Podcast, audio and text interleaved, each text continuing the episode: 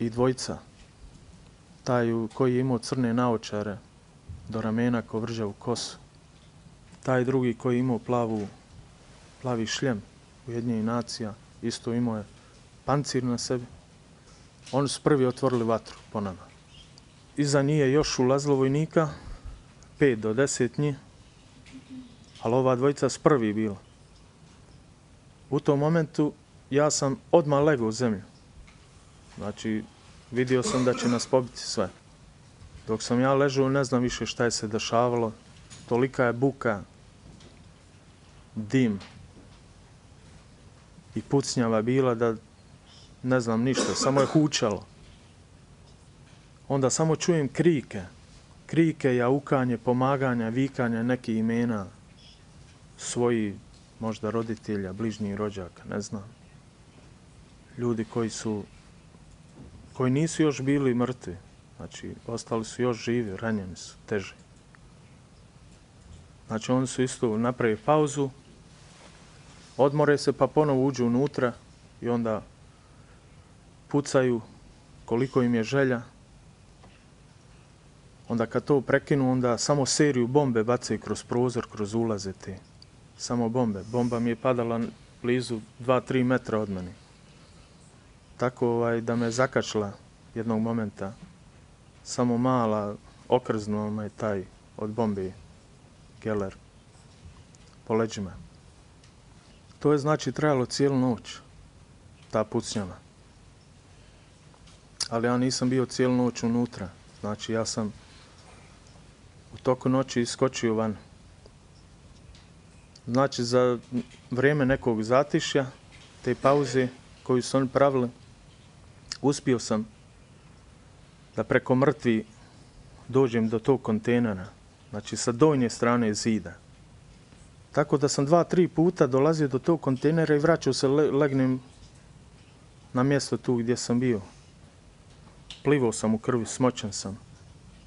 Toliko je bilo toplo, potrebuške sam ležu. Znači kao da je žar pod mojim stomakom, kao da je vatra naložena. Toliko je toplo bilo od te krvi. Znači, ponovo sam došao do tog kontejnera i vidio sam da mogu ovaj dofati prozor. Prozor je bio tijesan, tako provukao sam se i iskočio sam van na zemlju. Kad sam iskočio i pukao na zemlju dol, začuo sam iz kukuruza. Eno ga iskoči, još jedan. Ja nisam znao da ima straža okolo ove zgrade. Da sam znao da ima straža, ne bi smio ni skočiti sigurno. Pošto sam začuo glas iz kukuruza, eno ga iskoči još jedan, znao sam da mi je tu kraj. Ali pomirio sam se sa tim. Znači, nema, ne mogu dalje. Prišao je vojnik, jedan. Znači, čuo sam kako ide kroz kukuruze te, došao je blizu meni, Upalio je lefektor u meni i opucao je jedan metak na daljinu možda 2-3 metra od meni I pogodio me u desnu plečku u leđa. Znači, prostrijelio me, ranio je me. Ja sam ostao i dalje da čutim. Pravio sam se da sam mrtav. On me je zapitao, hoćeš li još jedan? Ja sam i dalje ostao čutajući. Pravio sam se da sam mrtav. On je najvjerojatnije zaključio da sam mrtav i nije više pucao u mene. On je tu izgubio neki okvir, ispao mu tako da je zvao drugog vojnika, došao i našli s okvir, tu se kratko zadržali i vratili se ponovo u kukuruze. Ja sam i dalje ostao ležajući na tom mjestu sve do ujutru. Ujutru ponovo sam čuo kako dolazi neko kroz te kukuruze prema meni ide. Onda me je bilo najveći strah. I dalje sam ležao na meni. Znači, bilo je stotinama muha na meni. Napale smo muhe kao na pravog leša. Sav sam smrdio od te krvi. Prišao je taj, nisam vidio ko je, najvjerovatniji da je vojnik bio. Prišao je meni na metar. Ja sam usporio tako disanje da on ne primijetio da ja dišim. Ako primijeti, znači upucat će, vidit će da sam živ još. Tako da on nije primijetio da ja dišem, zadržao se možda minut, tu nepuni minut, otkinuo je pero od kukuruza, valjda se igrao sa tim. I ono šmrkto je, ono kao da je prehlađen. I on je se ponovo vratio nazad u kukuruza.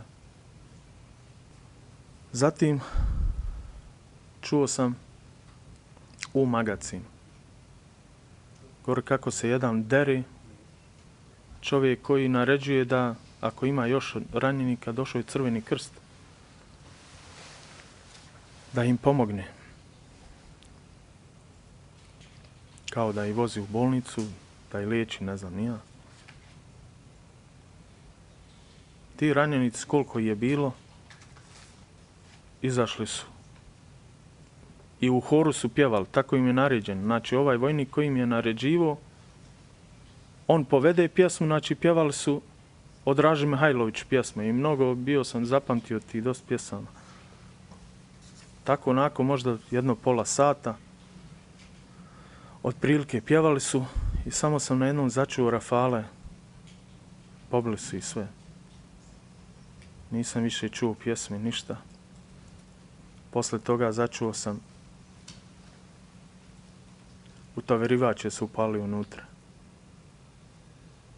Bager.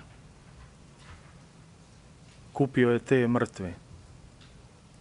I dalje sam ja ležao ispod ovoga prozora. I čuo sam kašu kako struže po betonu, kako kupi te mrtve. Udara po gasu, jako po gasu, znači buka unutra. I kako još začinim glasom jedan od tih vojnika kaže ovaj je mešćini još malo živ, treba ga upucati. Onda začim pojedinačno pucnjeve. Upucaju ako primijete da je neki još živ musliman. Onda nakon kratkog vremena ja sam ušao puzeći u vrstu kukuruza, jedno možda dva metra unutra, i sve sam puzio ovim kukuruzištem kroz vrstu do na kraj tamo zgrade. Lijevo.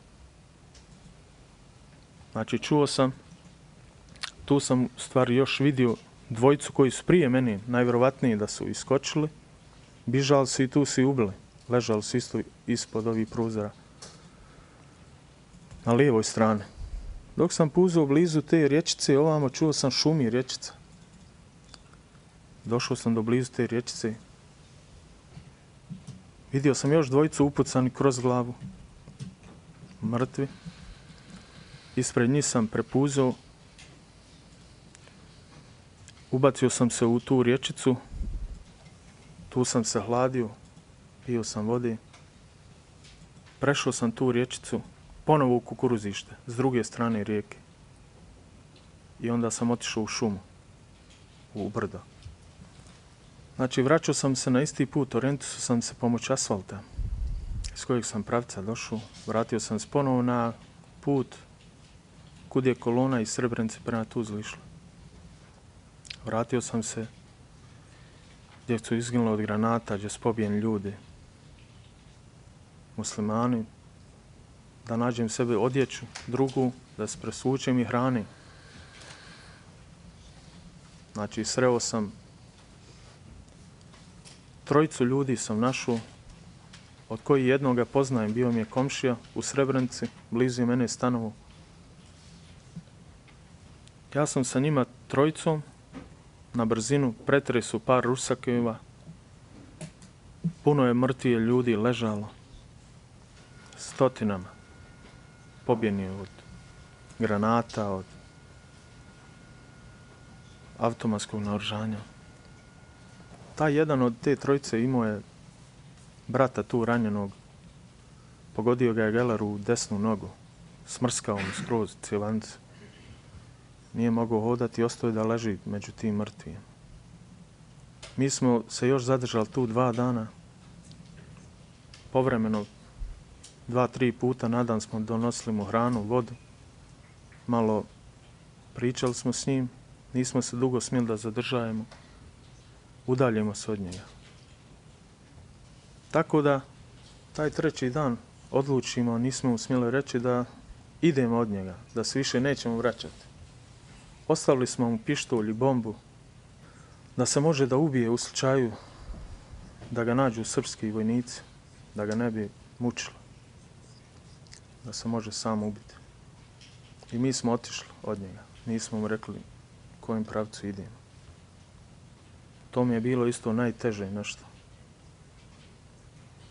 Da smo morali otići od čovjeka živog kojem nismo mogli pomoći.